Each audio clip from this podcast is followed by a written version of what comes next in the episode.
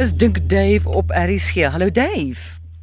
Middag aan môre en luisteraars. Dave, ek wil graag by jou weet wat gebeur met die lava van 'n vulkaniese uitbarsting as dit koue water soos byvoorbeeld die see of 'n groot meer tref? Eerste ding is dat dit um, is geneig om te fragmenteer. Jy weet die boonste laag. Met ander woorde dit dop af as 'n skilfer en en verbrokkel. Maar as die vloei sterk genoeg is, dan stoel dit onder water, maar dit stoel natuurlik verskriklik vinnig. En dit beteken dit is eintlik hoe lava eilande vir IJsland gebou word. Stukkie vir stukkie waar dit in die see in dit loop mm. natuurlik uit die vulkaan uit. En dan is daar ook uh, soms uh sekere vulkane afhangende van hoeveel gas daar in die lava is, waar mens puinsteen kry. Ouer luisteraars moet onthou jy het van so die lava so muisie gehad wat jy die bad gehou het om die haakskiene mee glad te krap mm. en die lava kan letterlik dryf op die water want dit is so vol lug. So, maar dit dit vorm pragtige vloeivorms byna soos 'n kers wat wat wat uitloop. Jy mm. weet mos daai pragtige watervalletjie van verskillende konture so maak dit onder water met 'n vulkaan. En wat maak dit bo die water? Bo die water maak dit 'n helse lot stoom uiteraard. Um, en van die stoom kan giftig wees uh, in die sin dat dan af wat op opgeloste middels en gasse daar ook in die vloeiende lava. Ek is nou nie 'n vulkanoloog nie, maar mense moet maar wind opstaan van daai walms wat uit die water kom. Ek lees nou onlangs hulle sê dit dit skep ook groot wolke met met stukkies glas in. O ja, kyk die uh, die uh um die term uh, daai kom vir vulkaanglas is obsidiaan. Dis mooi nie, dis ja. lieflike en klein stukkies obsidiaan vloei dan die lug in en dit is juist wat gebeur het met 'n vlug van Air Australia 'n jaar of 8 gelede met die eerste groot dubbeldekker Airbus daar was in juis in die Midde-Ooste, ag in in in die Ooste vulkaan uitbarsting en hulle het deur hierdie onsigbare glaswolk gevlieg en dit het toe saamgekoop en groot stukke glas in die motore veroorsaak en hulle het byna die vliegtuig verloor. Ons vat ons eerste oproep. Janette, goeiemiddag. Goeiemiddag, ehm um, Amore. Dis Sariana van 'n vywe van Stellenbosch wat hier praat. Sê vir my, kan ek gou vir Dave iets vra? Enige tyd? Praat maar met hom. Ja, dankie Dave. Ag, uh, Amore. Hallo, Hallo, uh, Dave. Um, jy weet ek het van tevore een keer vir jou sommer in 'n hier in Stellenbosch daar by jou mooi plek uh, vir jou gevra oor die pampasgrasplant. Ja. Ehm, um, maar weet jy, ons was nou toevallig oor die naweek by mense wat 'n baie mooi tuin het.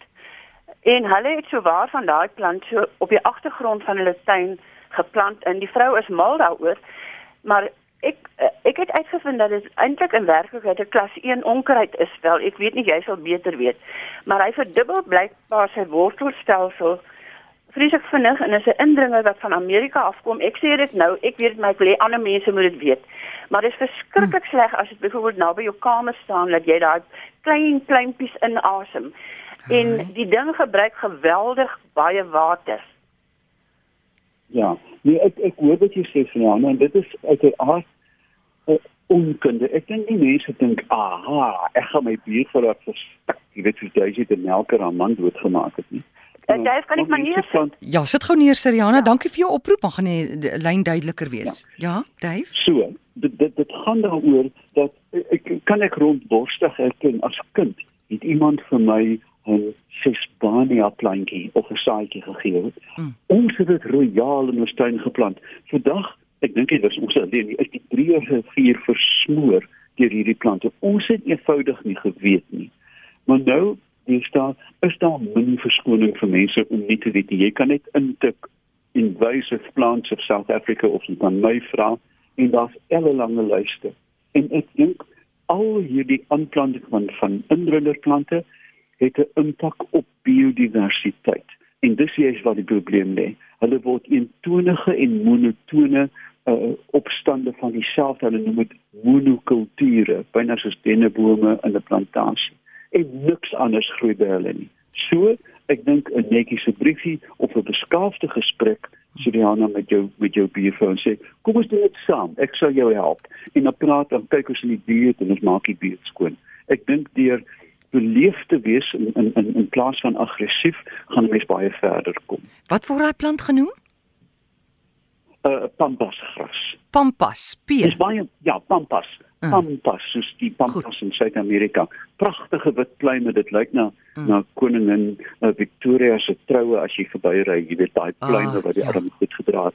Dis baie mooi, maar maar jy weet meeste indringende plante is mooi, komma, maar gevaarlik. Sê jy vir ons 'n foto op jou Facebook sit van hierdie plant? Ek maak nee. dit ek doen dit terstond. Goed. Uh, van dan. Nou het ons hierso 'n SMS van Emma Skuman, sy's 12 jaar oud. Sy skryf uit Skumanskloof en sy sê: "Dave, oom Dave, is orang ah. is orang-outangs se arms regtig twee keer langer as hulle lywe?" Dit is nie eintlik keer. Kyk daar ek dink dit is. Ek het nou nog nie orang-outang arm gemeet nie en ek kan dit nou nie voor my visualiseer nie, maar ek weet dit is nie dis beslis langer as eenmal die lyflengte. Daar is van die primate van die sogenaamde oudwêreldape en hulle Engelse naam is gibbons wat se arms nog langer is. Dit lyk na 'n klein bosluisie die lyf wat onder aan die arm hang. En dit het alles te doen met ryk afstand as jy in bome bly. Met ander woorde, as jy sê net maar jy is 'n 'n kom ons maak 'n absurde voorbeeld, 'n streepmuis mm. wat van tak tot tak moet swaai, dan moet jy letterlik een blaar op 'n slag. Maar as jou naam orang-outang is, dan het jy as jou arm so lank dat jy die boom langsaan kan bykom. En dan met 'n volgende vat, het mm. jy 4 of 6 meter beweeg. So hulle vat, swaai, vat, swaai en dit is hoekom die kroon primate se arm so lank is. Kyk na baie van die uitsluitlike kroonspesies.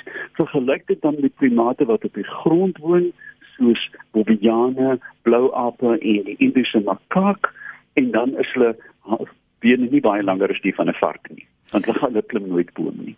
Goed. Ons wat gaan ons wat nog 'n oproep Charlotte, goeiemiddag. Goeiemiddag. My naam is Johan.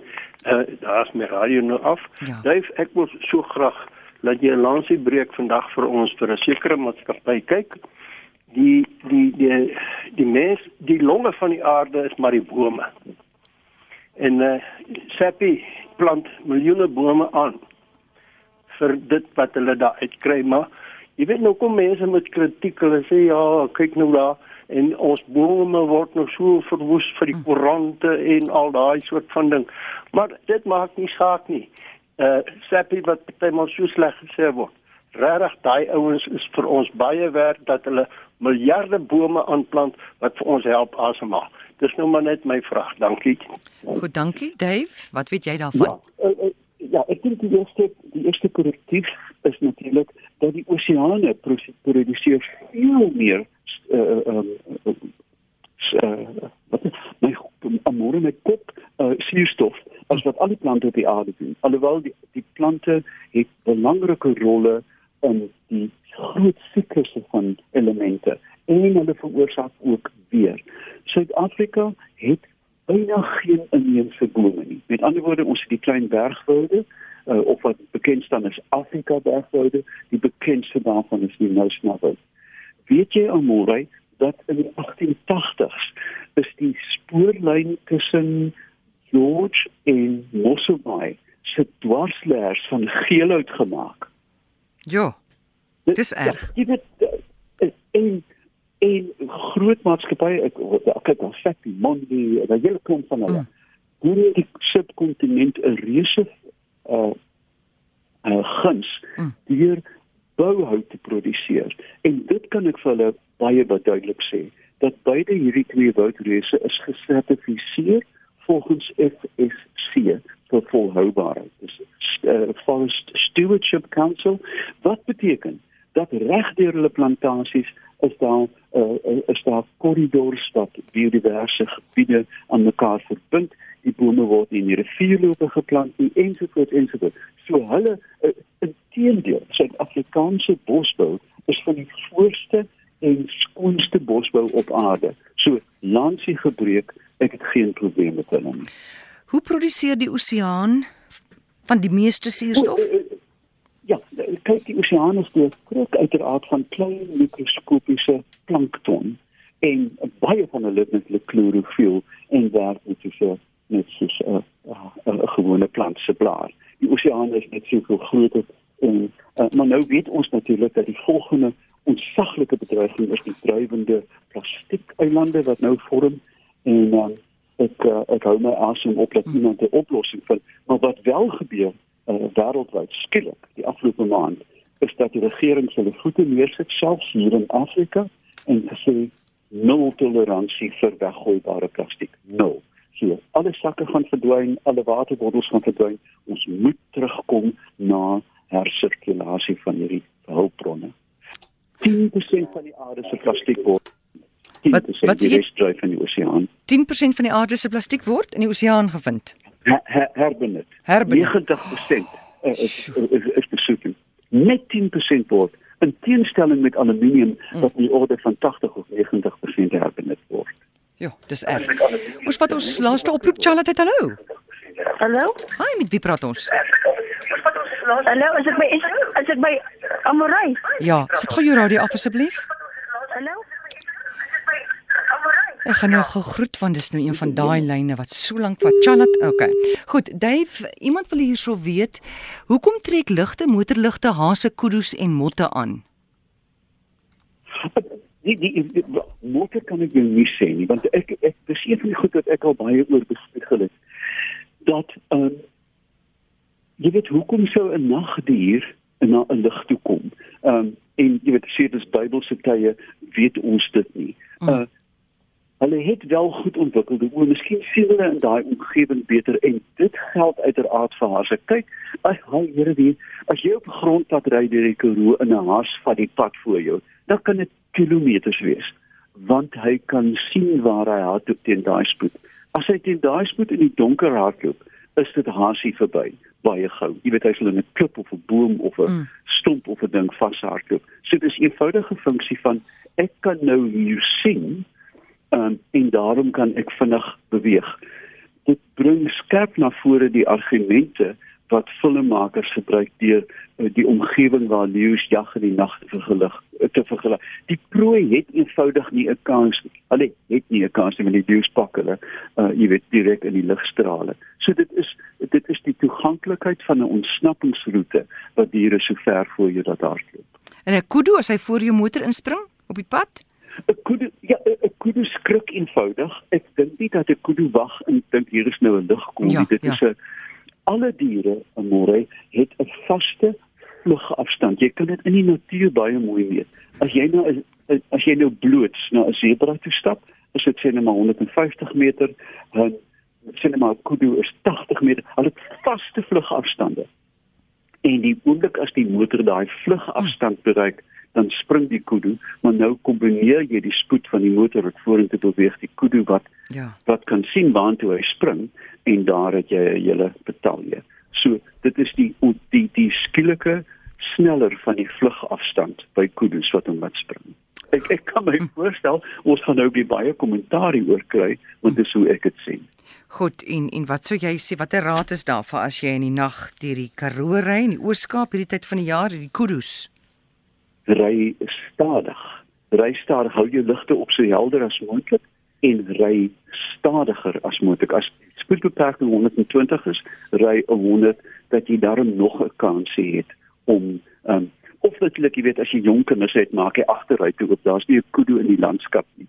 Maar um Ek klik nie. Dit was 'n grappie. Ja, ek weet dit nee, is 'n grappie, maar ek het geklik nie. Die kinders raas so. O. Um, Ja, ja. Hoeveel slaap is nog? Ja, papa, hoe ver is dit nog? Jy weet, jy's nog nie uit die uit jou eie motorhuis uit dan vra hulle dit mos. Ja, ja, ja, dit is 'n ja. grappie. Ja, ek weet, ja. Um, Ten minste weet jy stadig. En as jy in 'n in 'n grondpad het kan bekostig ry in die middel van die pad. Ek weet men nou nie oor jou ja, skouer ja, praat terwyl ja, jy dit doen nie. Ja, ja. Maar vir vir my die rande van die pad. Goed. Dave, dankie. Sit vir ons hy pampas op jou eh, Facebook. Asseblief. Ek doen dit onmiddellik. Jy kan binne minute kyk. Goed, dankie dan praat ons weer volgende week. Lekker aand. Selfde. Dis Dave Peppler.